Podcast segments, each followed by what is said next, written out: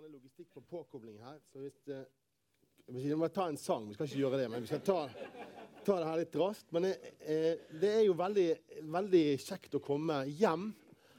Komme hjem og få lov å og komme på besøk på en måte. Det er veldig fint. Eh, og jeg har gledet meg til å, å, være her i dag. Jeg har vært syk siden jeg var på tur med konfirmantene til London. Og de som ikke vet det, så er jeg jo ikke bare i Åpne dører. Jeg er jo konfirmantleder her òg. Og i helgen som var, fra forrige onsdag, så var vi 17 konfirmanter fra Arna og fire ledere i London sammen med til sammen 70 eh, ungdommer og voksne. Og det var veldig bra. Fantastisk kjekt. Eh, og takk. Og så har jeg en kone. Det er nåde. Og det er, å, det er å få det du ikke fortjener. Og rettferdighet er å få som fortjent. Så det, det, der var veldig bra. Takk, kone. Takk, Katrina. Skal vi se. Så har jeg nemlig fått masse instruksjoner her. Jeg skal gjøre, jeg gjorde rett med Markus. Jeg må bare få den over på en uh, Markus, det var jeg lurte om du kunne gjøre det. sant? Og så skulle jeg ta sideveis.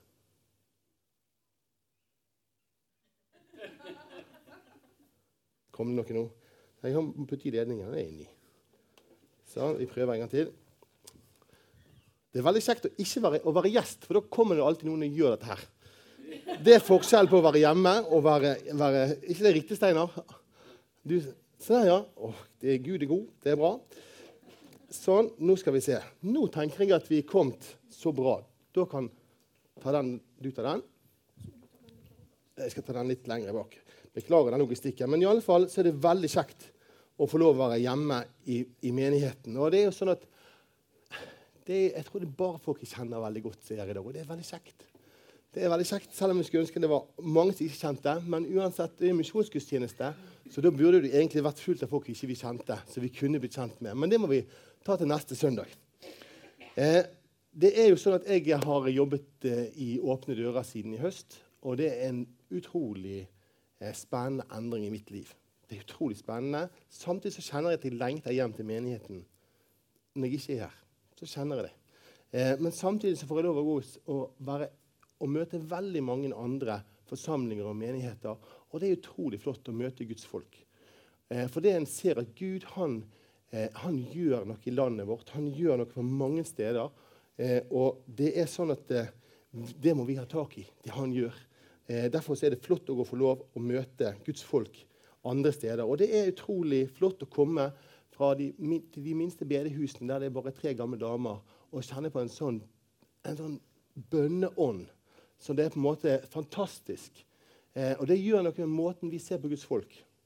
Vi kan ofte lett se på tall og mengder og flotte nye hus og alle sånne ting. Men vet du hva?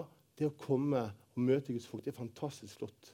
Og det er, det er fordi Jesus han er midt iblant dem. Og når vi kommer eh, til mennesker vi egentlig ikke kjenner, så kjenner vi hører sammen med dem likevel. Og jeg må jo si, jeg har jo både Steiner og Birgit som har reist masse. og reist masse. Dere har jo opplevd det. At du kommer, Uansett hvor du kommer, så er du hjemme når du kommer til Guds folk. Og det er fint. Og det vil jeg òg at de som kommer til oss, skal få lov å erfare. At her er et sted å være hjemme. Det kommer hjem til Gud. Eh, OK. Eh, så sagt så jeg, jeg er jo hjemme i dag, men jeg er òg egentlig på vegne av millioner av kristne brødre og søstre som blir forfulgt for sin tro. Og Det er det som jeg skal snakke om i dag. Og det er det som skal være fokuset. Og det er sånn at De som blir forfulgt for sin tro, de blir forfulgt fordi de er identifisert. For de er på en måte eh, koblet til Jesus. Jeg er litt redd dere ikke ser der. Gjør dere det? Kan jeg få lov å justere litt?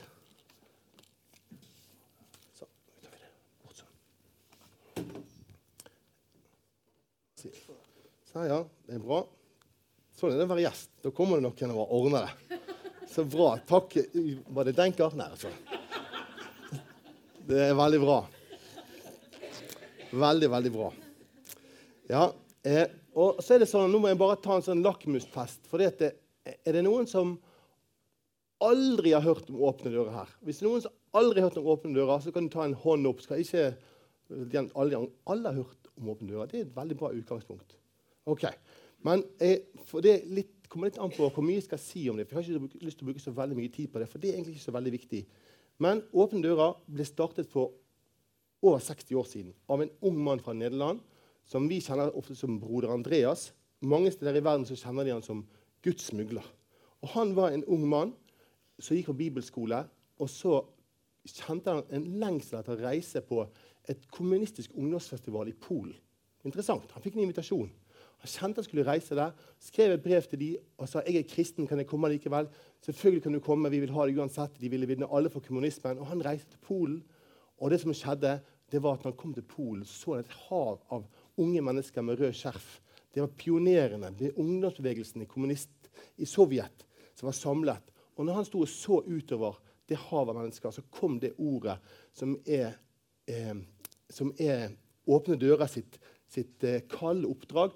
Våkne opp og styrk det som er igjen, og som holder på å dø. Han kjente at Gud la en, han, en nød i hjertet hans for de menneskene som var troende i det landet der det var vanskelig å være troende. Og Så fikk han møte menigheter og kirker der hele menigheten hadde bare én bibel på deling. Og Da gjorde denne her unge mannen, som fikk dette kallet, som også fikk et løfte med til kallet, og det kallet det står i åpenbaringen eh, 3,8 Se, jeg har satt foran deg en åpnet dør. Det talte Gud til ham. Og Derfor heter det 'åpne dører, åpne dører'. Eh, og så gjorde han det som ingen andre hadde gjort. Det var ingen som hadde gjort det. Men han gikk hjem, og så kjøpte han bibler, fikk tak i bibler og stappet de inn i folkevognsboblen sin. Og så reiste han eh, til grensen til det som den gangen var Sovjet, eh, og ba den bønnen som etter hvert er blitt en veldig eh, det, ikke, ikke famøs, famous på engelsk, men en berømt. sant? Heter ikke det? Ja. Hva har kalt det? Ikke famous, men ikke famøs. Det blir jo litt rart. sant? Ja, ja, men det er bra. Skal alltid le litt. Det hjelper. ok. Den er en berømt bønn, og den bønnen er sånn Gud, du som gjør blinde øyne seende, gjør nå seende øyne blinde. Og så var erfaringen det at når han kom til checkpointet og, bom, og han ble stoppet, så plukket de bilen fra hverandre. De fant ingen bibler. De så ingen bibler. Og så opplevde de Det er flott, fantastisk. Guds trofasthet. Igjen og igjen og igjen så var det erfaringen. Eh, og, og, den bønnen den er bedt utrolig mange ganger. Og jeg har truffet mange som i dag ber den bønnen, som i dag står i den samme tjenesten med å bringe Guds ord inn i land der det ikke er lov eh, å bringe inn bibler. Og dette er noe som er like aktuelt i dag. I mange land er det utrolig vanskelig å få inn bibler det er faktisk sånn at mange steder, Kanskje steder der du reiser på ferie, er det behov for å få inn bibler. Det er interessant. Men den bønnen og den erfaringen er at Gud er trofast når vi går på hans løfter. Og Det er utrolig viktig å ta med seg. Og Det er på en måte basisen for åpne dører. Og Tanken med åpne dører, det verset der Våkne opp og styrk det som er igjen, som holder på å dø. Det handler om at det kallet det handler om å styrke og være en oppmuntrer, være en hjelper til Guds folk der de, de har det vanskelig, sånn at de blir i stand til å være kirke der de er. Vil Si at de er i stand til å være med og oppfylle misjonsbefalingen. Så det passer utrolig bra på en misjonsgudstjeneste å snakke om dette temaet. Eh, så på mange måter kan vi si at Åpen dør er en oppmuntring som støttetjeneste, eh, og som hjelper Kirken å være kirke der det er vanskelig og kanskje oppleves som umulig å være kirke. Og Broder Andreas han sa det her. Styresett avgjør ikke om vi skal gå inn i et land Hvilken som helst isme som utelukker troen på Jesus Kristus, er et arbeidsfelt for åpne dører. Og Det er utrolig spennende. Det er den holdningen som på en måte la grunnlaget for den tjenesten som i dag er mye større. Jeg kan si at I dag er ikke Åpne dører bare en, si, en litteraturmisjon, men Åpne dører er en, mye mer helhetlig misjon. Har et fokus på fremdeles å bringe inn Guds ord og undervisning dersom det trengs. I tillegg så arbeider også Åpne dører med, altså med barmhjertighetsarbeid, altså med social economic development, altså rett og slett eh, egentlig hele mennesket. Mange steder, nå, nå, Dette hadde jeg ikke tenkt å si, men jeg sier det likevel, for jeg har skape et bilde av det. En ting som f.eks. Sentral-Asia, som vi, vi, vi, hører utrolig lite om det. De gamle standlandene som var en del av Sovjet før. Eh, menigheten eh, vokste utrolig raskt etter 1991 og utrolig mange kvinner ble troende, så opplevde de det at det på en måte stengte seg igjen. Disse eh, samfunnet som opprinnelig hadde vært i den islamske sfæren, de på en måte søkte tilbake til noe. Og det ble for de eldre, eldre garde islam. Og styresmaktene i dag ikke typisk eh, islamistiske, men det typisk totalitære, med et skjær av islam inni det. De ser egentlig akkurat ut sånn som de gjorde under sovjettiden. De bruker de samme metodene. Og alle som har et avvikende syn, som kan være en trussel for samfunnsstrukturen, altså da snakker vi om kristne, de er et mål.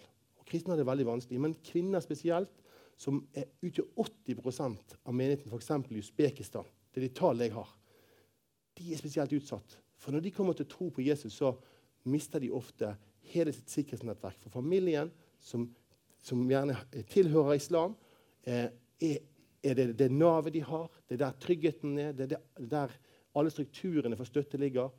Og det en ser For å kunne hjelpe de å være i kirke, så må du hjelpe de til å ta vare på sitt eget liv og skaffe sin egen inntekt. Og Det er utrolig viktig, og det er en av de tingene en jobber med. Nødhjelp i Midtøsten er det faktisk utrolig mye mange som får tannkrem, medisiner, mat eh, i dag fordi at nøden er så stor. Mennesker dør av sult i Syria og Irak. Det er en av de tingene man gjør i dag. I tillegg så trener man ledere.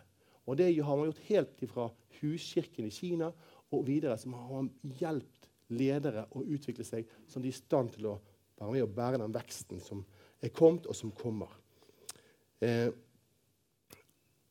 jeg, jeg, må bare si at jeg, jeg har egentlig lyst til å snakke kjempelenge til dere i dag.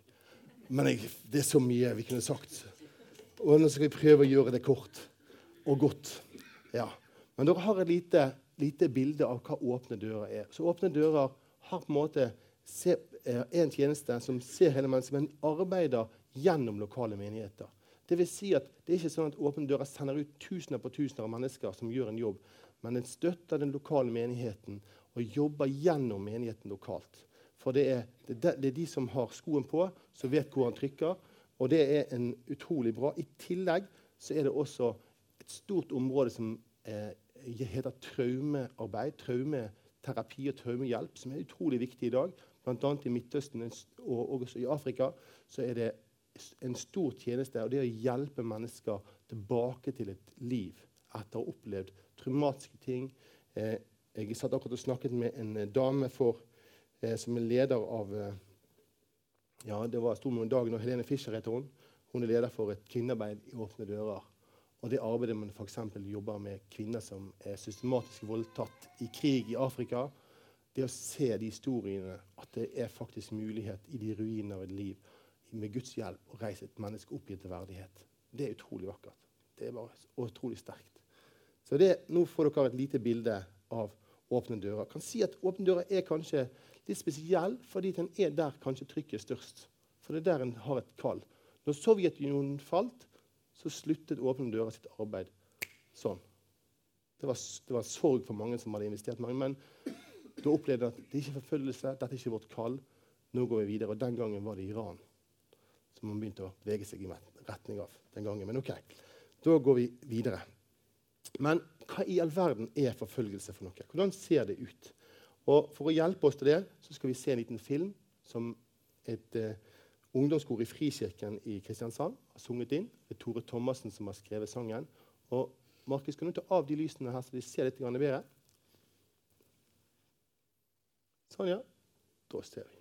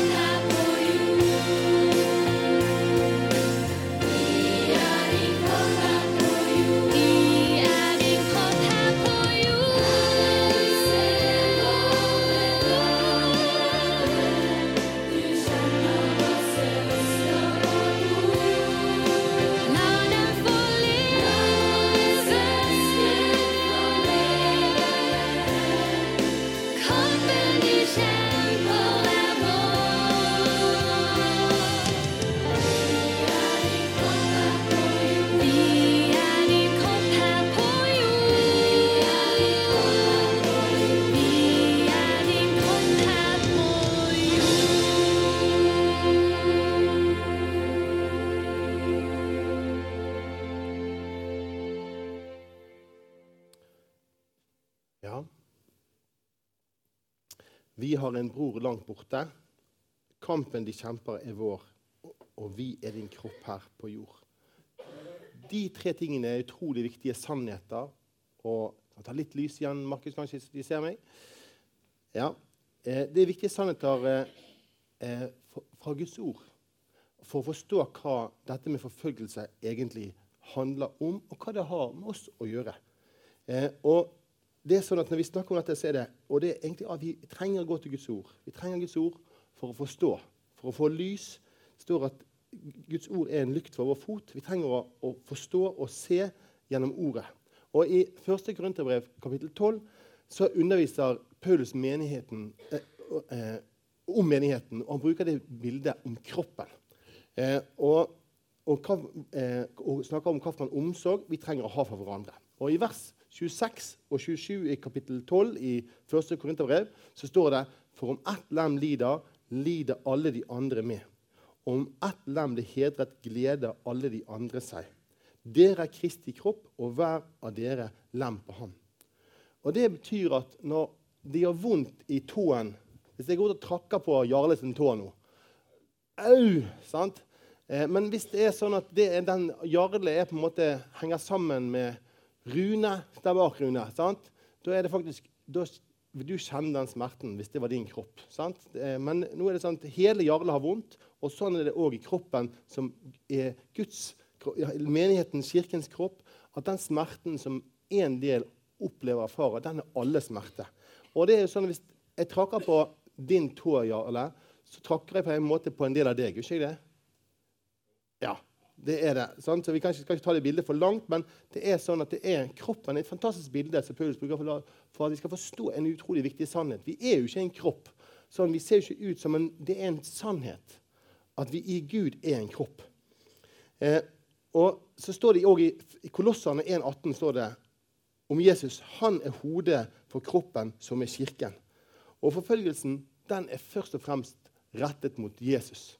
Og Det er en spennende historie der vi ser eh, Saulus, som de kjenner som Paulus senere, i Apostels gjerninger kapittel 9. Der ser vi at han har fått brev fra Jerusalem for å reise til Damaskus og forfølge de kristne og ligge de lenker og føre dem tilbake til Jerusalem. Han var ingen eh, hyggelig mann å komme ut for hvis du var kristen, før han møtte Jesus der på veien. Men det som er interessant, det er at når han kommer på veien til Damaskus, så skjer dette her utrolige lyset, dette møtet med Jesus. Og så kommer denne stemmen. 'Saul, Saul, hvorfor forfølger du meg?' Og så spør Saul, eh, 'Hvem er du?' Jeg er Jesus Kristus. Jeg kan lese det ordentlig, for nå parafraserer jeg veldig her. Eh, jeg er Jesus, han som du forfølger. Og Det er viktig for oss å få tak i det, fordi at det er ikke de kristne som sier at du forfølger de kristne, men Jesus sier du forfølger meg. Når for, altså Forfølgelsen den rammer er rettet mot Jesus. Og jeg synes det er interessant, bare Jeg har et bilde inni hodet. og det er sånn at Vi har på en måte Gud som en, en sånn størrelse, den treenige, utrolig allmektige, sterke, trofaste Gud som vi har på denne siden. Og så har vi den onde på en måte på andre siden. Eh, og Han er sånn at han vet at han hater Gud, han angriper ham, men det er et størrelseforhold som aldri lar seg balansere ut. Den onde kan aldri vinne over Gud, men han kan angripe alt det som Gud elsker. Og Det som er Guds bilde, det er jo i oss. Det angriper den onde. Hans, han angriper menigheten og angriper den kroppen som Jesus har på jorden. Og det er det vi opplever. Så det er en enorm åndskamp som viser seg i det synlige. Eh, så det å, det å, bli forfulgt, det, det, handler om at vi er tilknyttet Jesus. Det handler om at vårt forhold til ham. Uten vår relasjon til Jesus så er det ingen eh, så har den onde ingen sak mot oss. Har, vi, da har han vunnet oss. Da er vi i hans rike. Men når vi tar imot Jesus, så går vi over i et rike, et annet rike, et rike av lys. Vi går på en måte fra døden til livet, inn i Jesus. Eh, og i vår del av verden så tenker vi, og jeg må si det har jeg tenkt eh, ja, sikkert sjøl òg mange ganger, men at det normale det er å kunne komme sammen sånn som det her og tilbe Jesus og dele troen sin, eller kanskje bare ha en helt privat tro. For det er jo kanskje mange som tenker at det er liksom noe i vår kultur, at vi kan ha troen for oss sjøl. Eh, det på en måte å være kristen det er ikke noe som nødvendigvis skaper et spenn i møte med omgivelsene våre. Men det er faktisk at den måten vi lever på, det er det som er spesielt. Det mest vanlige det er å oppleve vanskeligheter og forfølgelse pga. sin tro. Eh, Åpne dører opererer med at over 215 millioner kristne opplever en høy grad av forfølgelse. Høy eller ekstrem grad av forfølgelse. Og I tillegg så regner vi med at mellom 200 og 400 millioner opplever diskriminering på ulike måter pga. sin tro. Disse tallene er det veldig vanskelig å måle. Det er store tall. Men det gir oss i alle fall en forståelse at dette er ikke noen små, små ting. Dette er ting som er det normale for veldig mange mennesker. Åpne dører lager en rapport hvert år i januar hvert år som beskriver de 50 landene der det er vanskeligst å være kristen. Og nå, Det blir litt sånn skoletime. Dette. Dere får masse informasjon, men jeg tror det er greit. Ja. Og Så skal vi se en, en liten film eh, som beskriver litt om hvordan situasjonen i de fem landene der forfølgelsen er vanskeligst i dag. Millioner av kristne over hele verden blir forfulgt for sin tro. I begynnelsen av hvert år offentliggjør Åpne dører World Watch List, eller Forfølgelseslisten. Vi ønsker å sette på dagsorden de 50 landene der kristne betaler en høy pris for sin tro. Dette er de fem landene der forfølgelsen av kristne er mest alvorlig. Plass fem. Regjeringen er fast bestemt på at Sudan skal bli et fullt ut islamsk land, og prøver å drive de kristne bort. I nord har de fengslet pastorer og revet kirker. I sør fører de krig mot ikke-arabiske mennesker, hovedsakelig kristne. Kirker er bombet, og det er også skoler og sykehus, sammen med ødeleggelse av sivile boliger og gårder. Plass fire. Kristne i Pakistan opplever mye vold og ulike former for angrep. Blasfemilover gir islamistene muligheten til å sette sterkt press på de kristne. Hvis en kristen blir beskyldt for å ha fornærmet islam på noen måte, er han eller hennes liv i fare. Dersom de ikke blir rettsforfulgt og dømt, men satt fri, vil islamister gjøre sitt ytterste for å drepe dem.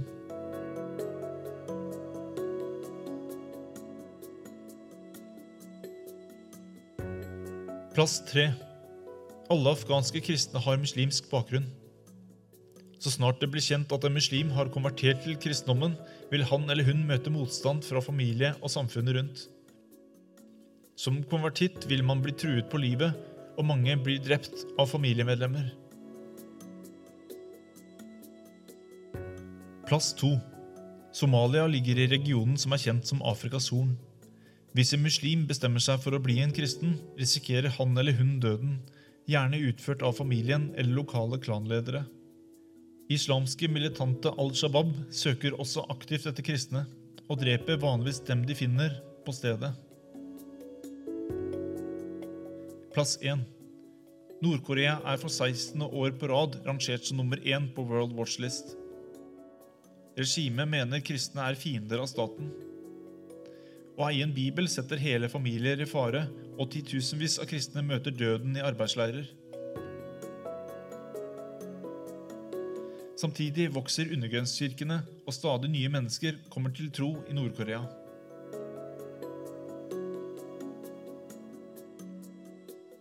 Bak tallene i World Watch List finnes mange historier om kristne som har måttet gå i dekning. Åpne dører gir en stemme til forfulgte kristne og oppmuntrer til engasjement, bønn og støtte. Besøk vår hjemmeside opendoors.no og finn ut hvordan du kan hjelpe forfulgte kristne.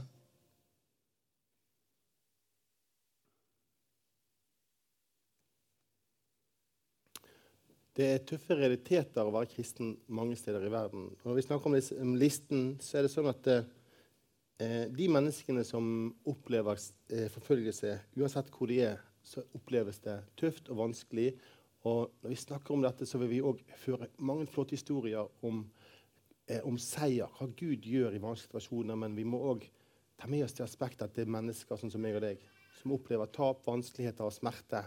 Eh, for det er, det er, sånn det gjelder. Det er enkeltmennesker dette handler om. Eh, og det er tøffe realiteter. Eh, og det er viktig at vi ikke mister fokuset på det som Gud gjør midt i dette, når vi snakker om det, fordi det er så utrolig mye vondt. For det er det kjempemye vondt. Det er ikke vanskelig å bli tynget ned. Eh, og så si en ting eh, når vi snakker om islam, og vi snakker om eh, radikal eh, buddhisme, vi snakker om mange ismer. Men det er veldig viktig å få si at vår, vår fiende den er ikke mennesker. Eh, broder Andreas han sier han er en gammel mann, men han er på kontoret hver dag og leser Bibelen og treffer noen hver eneste dag. Han er langt over 90 år. Men han sier at islam spells like this. Det er på nynorsk. I sincerely love all Muslims. Og Det er utrolig viktig at vi ikke mister og begynner å jage etter mennesker og skulle bekjempe mennesker. Det er ikke vi kalt. Vi er kalt til å elske mennesker. Vi er ikke kalt til å, å eh, etterjage noen med, med, det, med, det, vonde, men med det gode. For det er Gud som er han som kjemper for oss. Og skal, Vår kamp den står i bønn, og den står gjennom å bruke andre våpen eh, for å vinne mennesker for han.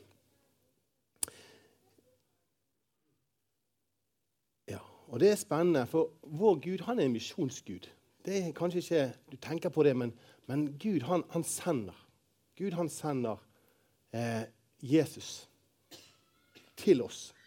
Og så står det at, at Faderen og Sønnen sender Ånden til oss. Sånn vi, og så blir vi sendt. Og vi, Gud, vi, er en del av det, den misjonen som Gud har. Og den Gud, den, den, det, det oppdraget Gud har, det er å vinne mennesker tilbake til seg. Det er gjennom det som Jesus gjorde på korset, å gjenforene eh, relasjonen mellom Gud og mennesker. Og vi er òg sendt av Gud inn i denne verden. Og vi skal få lov å være med og peke på Jesus. Og vi skal få lov å løfte ham frem. For det er sånn at i den mørke verden som vi lever i, så kom Jesus inn i det mørke. Og når det var på det mørkeste, og det så ut som det var alt i konkurs, og Jesus døde på korset, så så det ut som han tapte. Men så vant han. På korset så vant Jesus en seier over den onde. Eh, og det åpnet en vei hjem gjennom forhenget, står det i hebreerne. Inn, inn, til Gud, inn til relasjonen til Gud igjen. Og det blir tent et håp om evighet.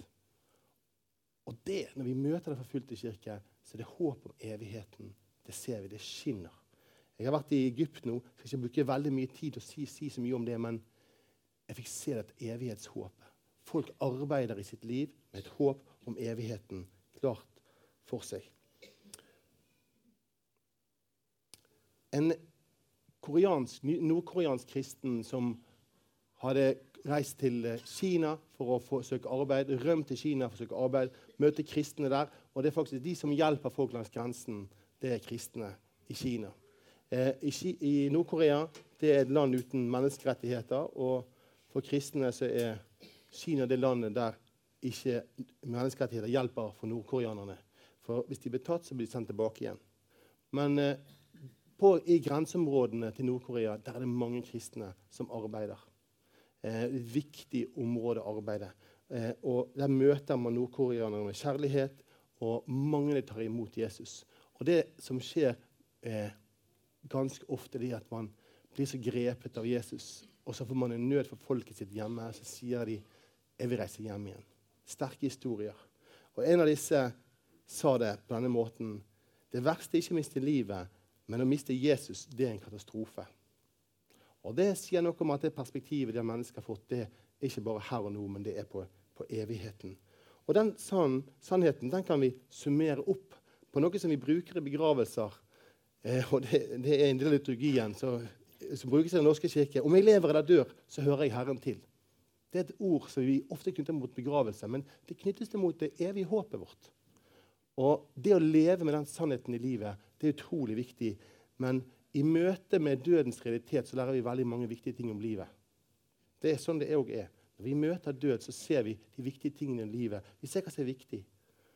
Og det som vi ser når vi møter Den forfulgte kirke, vi ser at det er evigheten, håpet om en evighet i Jesus, det er det vi holder fast i. Og så er jo spørsmålet hvor har du mitt, ditt håp, Ole Petter? Hvor håper du? Eh, lever jeg på en måte i min egen trygghet? Er det, er det økonomien? Er det hus? Er det måte er det jobben min? Er det lønnen min? Hvor har jeg mitt, min egen trygghet? Og Det tror jeg er en ting som vi kan la oss utfordre. Jeg, jeg kjenner det sjøl at jeg har vært nødt til å la meg virkelig ransake i forhold til det. Jeg har møtt veldig mange mennesker som lever overgitte liv i det siste halve året. Eh, og det utfordrer meg på mitt liv. Og, og et spørsmål jeg eh, Ja, hvor er jeg i forhold til det? Hmm. Hvor har du ditt håp? Og Kristne i Nord-Korea, i Syria, Irak, Afghanistan, Somalia de vet at det er bare ett sted det går an å ha sin trygghet, og det er hos Gud. For de lever egentlig helt der på grensen. Veldig mange de lever med en enorm risiko. Men så har de funnet ut at det å eie Jesus, det er verdt den risikoen. Og det må vi òg få erfare i våre liv. Eh, og For meg sjøl opplevde jeg at det var et eh, Det blir litt personlig vitnesbyrd dette her, for å bare ta det, komme med. Men det er på en måte en slags eh, Jeg møter min egen vantro. Jeg møter min egen, møter min egen eh, frykt for å stole helt på Gud. Jeg blir konfrontert av den. Og det er, det er bare sunt at vi kjenner på det. Og vi, og vi trenger ikke å være skamme oss at vi gjør det, for det er en prosess når vi møter de tingene, at Gud får arbeide med oss. Eh, og, og, Derfor så, så, tenker jeg at vi må være ærlige med hverandre og si at det kan være vanskelig. Men jeg tror det er viktig at vi, vi, vi lar oss utfordre i det. Hva er det viktig for oss? Og Jeg snakket med en, en leder for arbeidet som Åpne dører har i Egypt for noen uker siden. Og Han snakket om dette med å, å være redd for mennesker. Han snakket om det å vil våge å være politisk ukorrekt og det å være sosialt ukorrekt. Og så tenker jeg på på Noen ganger så kan i hvert fall i deler av Kristen-Norge det å være politisk ukorrekt det går sånn rimelig bra. Men når det kommer på det sosiale området, det å bryte de tabuene i forhold til dine naboer og dine kollegaer Eller jeg snakker om mine kollegaer, for de er, de er ikke så veldig, de er godt innenfor. Da. Men i alle fall så er det noen barrierer der vi må gå til Gud og si at vi stoler på Han og våge å gå en vei i våre egne liv. Og det er sånn at eh, Jeg kom langt ut av der jeg var. Men det gjør ingenting, gjør det det? For dere vet ikke hvor jeg egentlig skulle være. ja. For Jeg har lyst til bare å si to sånne de store si, hovedtrendene når det gjelder forfølgelse. For vi begynte det med World Watch List. Og det er at forfølgelsen blir kraftigere, mer, den tiltar. Der den er, blir den vanskeligere, og det er vanskeligere forhold på eh, det, er det store bildet. At det er vanskeligere for de kristne. Og det andre hovedtrenden er at den sprer seg. Så det er egentlig et dårlig bilde. Det kunne vært mer enn 50 land på den listen som vi så der i dag. Det er òg noen positive ting som skjer, eh, og jeg tror at bønn er en, en uh, viktig faktor i det. I Nigeria, som er det det landet der det for i 2015 der flest mennesker ble drept for sin tro, og Da snakker vi ikke om at en buss blir bombet i en krig, men direkte mennesker som blir drept for sin, sin tro. Der har vi sett en utrolig stor nedgang. Det er altså, det er under, altså det er snakk om to tredjedeler ned. Det er fantastisk. Har vært utrolig mye. Det en ser at Boko Haram på en måte har, Det har skjedd ting i deres strukturer. Og det tror vi at det handler om at det har vært bedt mye fra det området. Og at Gud gjør noe. Det skal vi glede oss over. Eh, så det skjer òg positive ting i forhold til disse tingene her. Og det gjør det hele tiden. Så Derfor så må vi fortsette å be. Eh, jeg skal si noe om eh, Jeg hadde egentlig, skulle egentlig hatt et fint bilde der. Hvorfor kommer ikke det opp? Eh, ja. Uansett eh, Nå må jeg bare se her hvor jeg var. Jeg har lyst til å vise dere det bildet der. Der kom det opp. sant? Ikke flott? Fordi at eh, Når vi snakker om de vanskelige tingene, så må vi også snakke om de spennende, flotte tingene. Dette bildet det er fra en flyktning der i Bikardal i Libanon. Eh, for det, midt i det som er vanskelig og vondt, så er det ingen dører som er stengt for Gud. Og jeg skal si noen ting om hva Gud gjør i dag. Og dette er det sikkert mange av dere som vet og kjenner til, men jeg forteller det for det er så flott allikevel. Men fra hele den muslimske verden så hører vi en ting. Jeg har møtt mennesker i Bergen som òg erfarer det. Gud han åpenbarer seg for mennesker i drømmer og syner. Det er fantastisk å se. Eh, mennesker som opplever at Jesus oppsøker dem eh, og viser seg for dem. Og Det begynner ofte en, en, vei for en muslim som får en opplevelse av Jesus. Gjennom noen år så kommer de til tro på han. Eh, og Dette er ikke noe lenger som er noe et lite fenomen, men det har vært over tiår, og det vokser, og det er utrolig spennende. Og det vi ser, det er at mennesker blir helt forvandlet. Helt forandret. Og mange av de menneskene som får det møtet med Jesus, de blir ivrige og deler Jesus med andre. Noen steder så er det faktisk sånn at de kan ikke dele troen i det hele tatt. Jeg hørte en historie, og dette kommer via nettet. En dame i Saudi-Arabia som var kristen i fem år. Hun møtte Jesus og ble kjent, med kristen gjennom nettet. I løpet av de fem årene vært kristen, aldri møtt en annen kristen annet enn på nettet. Fordi risikoen eh, for henne eh, er å miste sitt liv hvis hun bekjenner sin tro offentlig. Det er, men det er fantastisk at en likevel finner Jesus. Det er fantastisk. Det er fantastisk, For Gud han er ikke handlingslammet. Gud kan. Og inn i disse landene som vi snakker om nå, så er det òg modige mennesker, modige kristne, som velger å gå. Eh, jeg forteller en historie. En pastor, eh, Jamal fra et land i Midtøsten, det er en kollega av meg som forteller den historien. Han forteller at dette er frelsens dag. Dårlige nyheter kan du se på CNN, men kom til oss for de gode. Kom til oss og se hva Gud gjør. Folk kommer til Kristus, hundrevis av dem. Og de ser drømmer og visjoner, og vi ser helbredelser også. All vold gjør at folk kommer til Kristus. Medlemmer fra Al Qaida og IS-fanatikere kommer til Kristus nå er tiden inne. Gud arbeider som aldri før. Gud svarer århundrer med bønn for Midtøsten i dag. Utrolig spennende. Eh, I Libanon, som er dette bildet er fra, så er det et land som vi kan sammenligne, for det er et land på ca. 4 millioner mennesker. Det er ikke et rikt land. Det landet har tatt imot en million flyktninger. Og det er bare det er, Jeg har ikke vært i Libanon. Jeg leser veldig ofte om Kari Furi i Dagen. Hun er jo veldig bra dame. Les dagen, les historien i dagen. Det er utrolig mye bra i dagen i forhold til dette temaet. Eh, og, og, eh, hun har skrevet mye om, om eh, Libanon. Men jeg snakket med en som hadde vært der, en kollega av meg, og forteller hvordan folk bor. Folk bor alle steder. Det bor overalt. For det er så mange mennesker. Og midt i dette så arbeider Gud, og så er det en kirke som gikk fra å være lite frimodig i Libanon for noen år tilbake. Man var veldig bekymret for kirken i Libanon. Men så har Gud gjort noe. Så i dag er det en veldig frimodig kirke i Libanon. Og mange mennesker kommer til tro eh, i Libanon i dag. Og i flyktningleiren i Vikardalen der står det Det er overskriften som egentlig sto i en dagartikkel. Der står det 'Kirken skinner i Vikardal'. står det. Overskriften. Jeg likte det så veldig godt. Og så har jeg en kollega som hadde vært her, som forteller meg denne historien om en kvinne som kommer til, en muslimsk kvinne som kommer til kirken i Vikardal. Hun kommer sammen med sin, eh, sin, eh, sin mann. Eh, og de er begge muslimer. De kommer, de har ingenting. De flykter fra Syria. Og så kommer de til og så Hvor går de? Jo, de går der de prøver å få hjelp. så de kommer til kirken. Og når de kommer til kirken, så er det en diakon i kirken som sitter seg ned med et intervju med den damen og spør ja, hvem er du, hvor kommer du fra, hva forsørgeransvaret du har, og så er det hun og mannen som kommer, og så sier de beklager, vi kan ikke hjelpe deg. For det er så mange som trenger hjelp her, og vi må hjelpe de som har barn. Vi har valgt å gjøre det. Vi kan dessverre ikke. Men hvis du, du er velkommen til fortsatt å komme her i kirken og være sammen med oss. Vi vil gjerne ha en del av vårt fellesskap, men vi kan ikke støtte deg økonomisk det, eller med, med, mat, for det har ikke vi anledning til. Vi har ikke ressurser til det. Eh, og så fortsetter denne kvinnen å gå i kirken.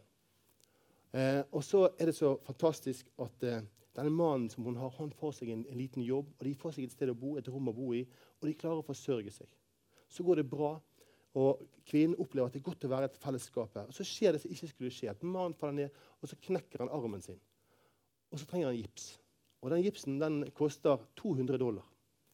Eh, og så går hun til kirken, eh, for der er mulighet til å komme med bønneemner i kirken. Og så sier hun eh, mannen min har knekt armen. Vi trenger vi trenger 200, kroner, det er 200 dollar til, til, gips, til behandling. Så sier eh, den presten som er i kirken, at det, eh, vet du hva, vi har ikke penger å gi deg, men dette bruker vi kollektene våre til. Og nå er de to neste kollektene de er opptatt. Eh, så du kan få den tredje kollekten. Så den tredje kollekten kommer, og det blir samlet inn kollekt. Og det blir selvfølgelig 200 dollar som blir samlet inn til den kollekten. Eh, og denne kvinnen får de 200 dollarene, går hjem til sin mann, og han får den behandlingen han trenger. Og så skjer det som, som skjer. og det er, sånn, det er, en sånn provoserende kjærlighet som gjør noe med mennesker. Eh, og denne mannen denne kvinnen som kommer fra muslimsk bakgrunn, de kjenner, opplever at de ser noe i kirken i Vikardalen som gjør at hjertene deres blir forandret. Og Denne mannen han blir eh, både veldig glad og så blir han veldig sint. Så han går i moskeen og så sier han, vi har vært, eh, jeg tror han har vært i to år i, i Libanon. og Moskeen har ikke gjort noen ting for oss. Men de kristne oppi der som ikke vi tilhører, de har, de har tatt vare på min kone, og de har betalt for at jeg skulle få behandling.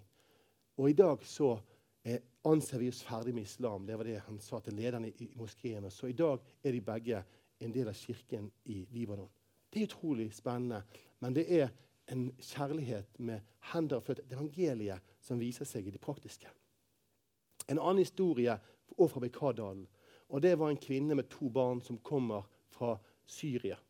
Og Hun har to barn. Mannen er død i kampene i, i Syria. og Hun kommer, eh, og hun har fått et lite sted å bo. og Hun kommer inn og, gir barna den siste maten hun har. Hun har ingenting igjen. Og så tenker hun jeg må, jeg må be til Isa, som det står om i, i Koranen. Jeg hørte at det går an å be til han. Og så ber hun denne bønnen til Isa om at han eh, må hjelpe hun med mat til barna. I desperasjon så ber hun, låser døren, barna bak seg, og går ut og tigger på gaten og får ingenting. Og Når hun kommer tilbake igjen, så står det mat på kjøkkendisken hjemme. Der var låst. Og så sier hun Da visste jeg at Jesus virkelig. Gud er ikke død. Han lever midt i dette.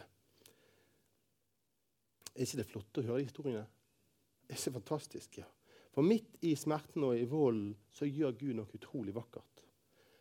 For noen uker siden så var jeg i, Kairo. Da var jeg i grottekirken i søppelbyen i Kairo. Kanskje noen av dere har vært der? Jeg vet ikke. Det, hvis dere skal til Kairo, som er et flott sted å reise, så eh, må du reise der.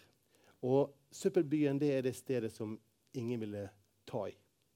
Det var det stedet der all dritten fra Kairo landet. og Der flyttet kristne som ikke hadde arbeid. og De var nominelle kristne, de som bodde der. Eh, og Det var et område som var preget av vold, av narkotikamisbruk, alkoholmisbruk. Det var trolldomshekseri. Det var masse ting i det miljøet, og myndighetene ville ikke berøre det i det hele tatt. Og så er det sånn at Mange forskjellige kristne eh, ministries de gikk inn og gjorde en jobb, og så blir det liksom ingenting. Helt til det er en koptisk prest og Han heter fader Simon, som kjente at Gud kalte han til å flytte inn der og bli sånn som en av de. Sånn som Jesus gjør. Sant? Jesus gjør det inn til vår, verden og blir som oss.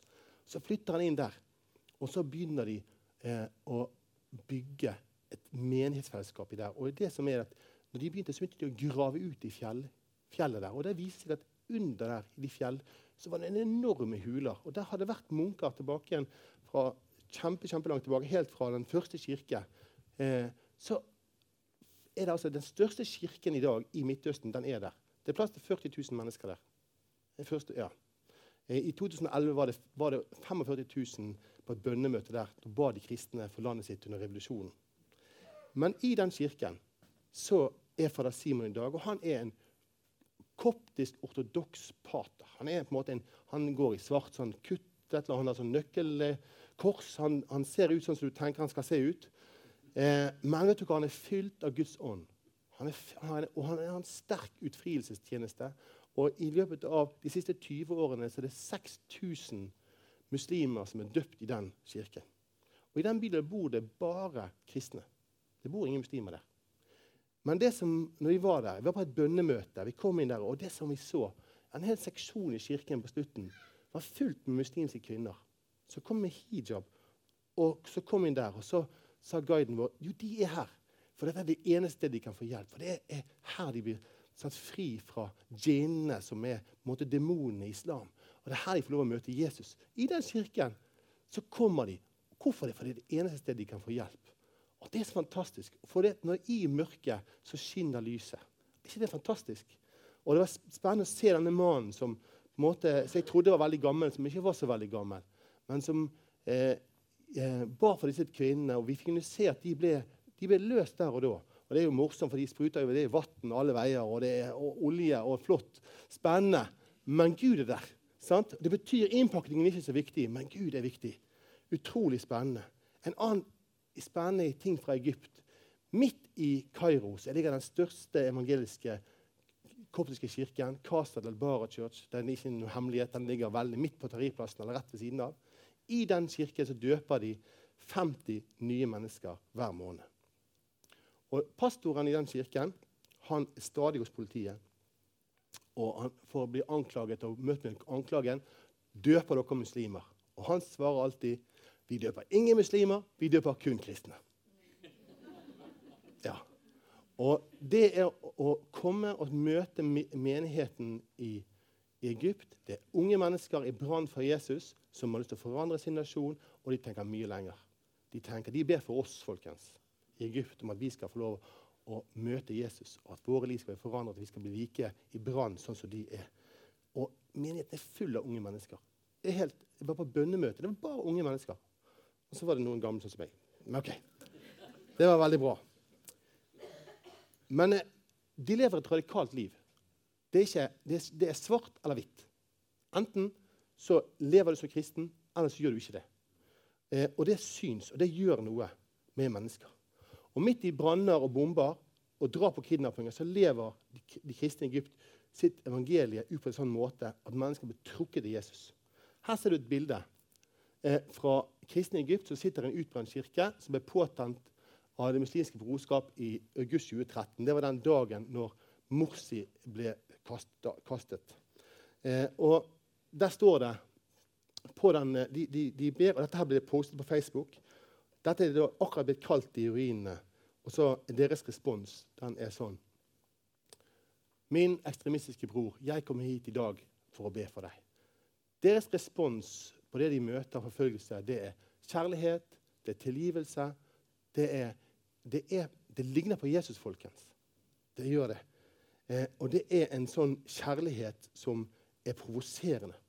Vanskelig å forholde seg til, sikkert for de som Det står om Bibelen om å samle kull, glødende kull på hodet på noen. En kjærlighet som er provoserende god. Den er vanskelig.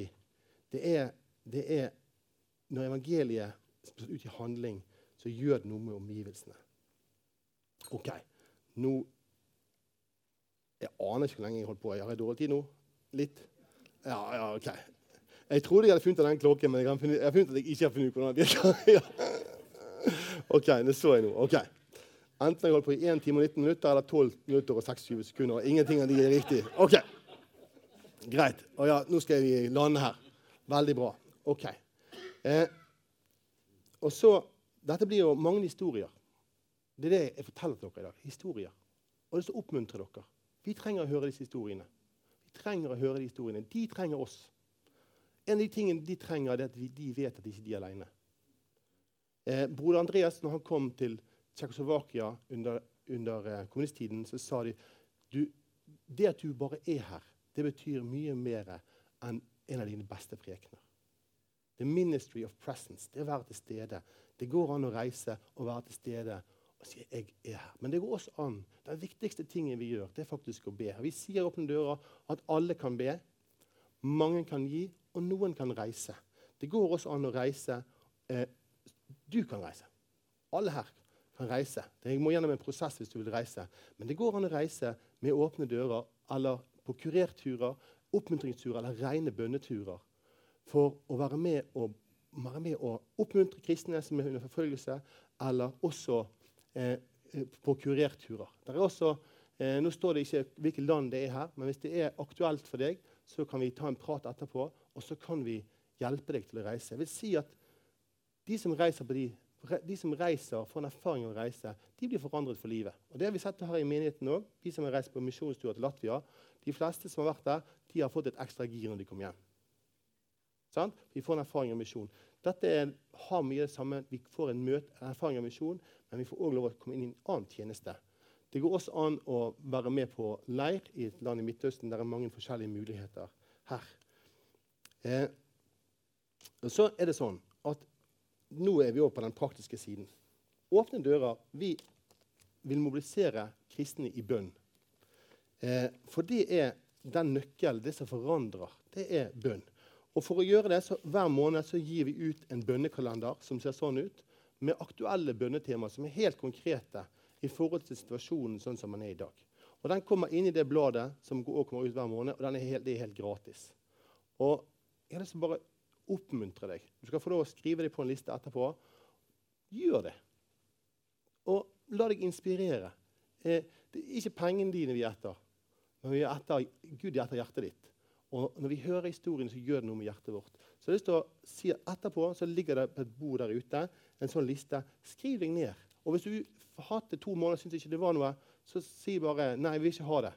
Men jeg utfordrer deg til å engasjere deg i bønn. Og det gjør noe med ditt eget trosliv. Det utviser perspektivet ditt. Og du skjønner at du ikke bare er en liten her i Arna, men vi er en del av en stor verdensvid kirke, og vi har et oppgave i det. Og så vil jeg utfordre deg også, til dette temaet vi har snakket i dag. Snakk om det. Snakk om det med dine kollegaer, med dine venner, i din familie, i din husgruppe, i din bibelgruppe. Eller hva du har. Ta det med deg. Ikke gå, la det gå i glemmeboken. Det var det jeg ville si. Og nå tror jeg, jeg, tror jeg skal slutte, men jeg har lyst til å gi dere en gave helt til slutt. Og det er en film om et møte med en liten jente som heter Miriam, ti år gammel, fra en flyktningleir i Nord-Irak. Dette er det som, sånn som håp ser ut. Så sier jeg tusen takk for meg.